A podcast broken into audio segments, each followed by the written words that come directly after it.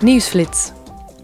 Tijdens de opening van de plenaire vergadering stond de voorzitter van het Europees Parlement, Roberta Metsola, stil bij de 33ste verjaardag van de val van de Berlijnse muur en de val van het IJzeren Gordijn. Ze bracht ook de Kristalnacht in herinnering, de nacht waarop de paramilitaire troepen van de nazi's de pogrom organiseerden tegen de Joodse bevolking in heel Duitsland. Metsola zei daarover. 84 years have passed since Kristallnacht. 84 jaar zijn er verstreken sinds de Kristalnacht. We hebben al decennia lang inspanningen geleverd, maar dat is nog niet genoeg om een einde te maken aan de zondebokvorming en aan de discriminatie. We hebben nog niet genoeg gedaan om te verzekeren dat elke Europese burger zichzelf kan zijn.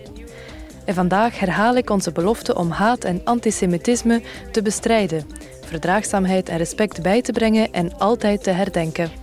To combat antisemitism and to always remember.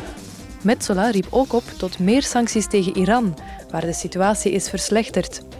Ze verklaarde dat er een internationaal onderzoek nodig is om het regime ter verantwoording te roepen voor de voortdurende schendingen van de mensenrechten. In Brussel hebben de parlementsleden de resultaten van de Europese top van oktober besproken over de oorlog in Oekraïne, energie, klimaatverandering, Iran en de betrekkingen met China. De voorzitter van de Europese Raad, Charles Michel, opende het debat door te zeggen dat de vorige top, die over energieprijzen ging, cruciaal was en dat zowel burgers, bedrijven als regeringen ernaar hadden uitgekeken.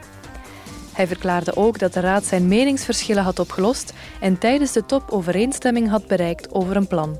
Hij voegde er nog aan toe At our European Council meeting, we set out a plan of action. Tijdens onze bijeenkomst van de Europese Raad hebben we een actieplan opgesteld met negen concrete maatregelen en we hebben de commissie gevraagd om snel concrete wetsvoorstellen op tafel te leggen. De oorlog in Oekraïne en de energiecrisis hebben directe gevolgen voor onze economieën en onze burgers. Het is tijd om actie te ondernemen. Have directly impacted our economies and our citizens. It's time to act Voorzitter van de Europese Commissie, Ursula von der Leyen, wees erop dat de huidige energiecrisis dringende maatregelen en strategische vooruitziendheid vereist. Zo sprak ze over hernieuwbare energiebronnen. It is no exaggeration to say that we stand at a crossroads. Het is niet overdreven te stellen dat we op een kruispunt staan. Of we negeren de lessen die we in deze crisis hebben geleerd en trappen opnieuw in de val van een zogenoemde koolstofafhankelijke toekomst, of we gebruiken deze crisis om de sprong te maken naar groene energie. Dat is niet alleen goed voor het klimaat, maar ook voor onze voorzieningszekerheid en onafhankelijkheid. Vooral in tijden waarin gas en schaars goed is en zal blijven. Especially in times when gas is and will stay a scarce commodity.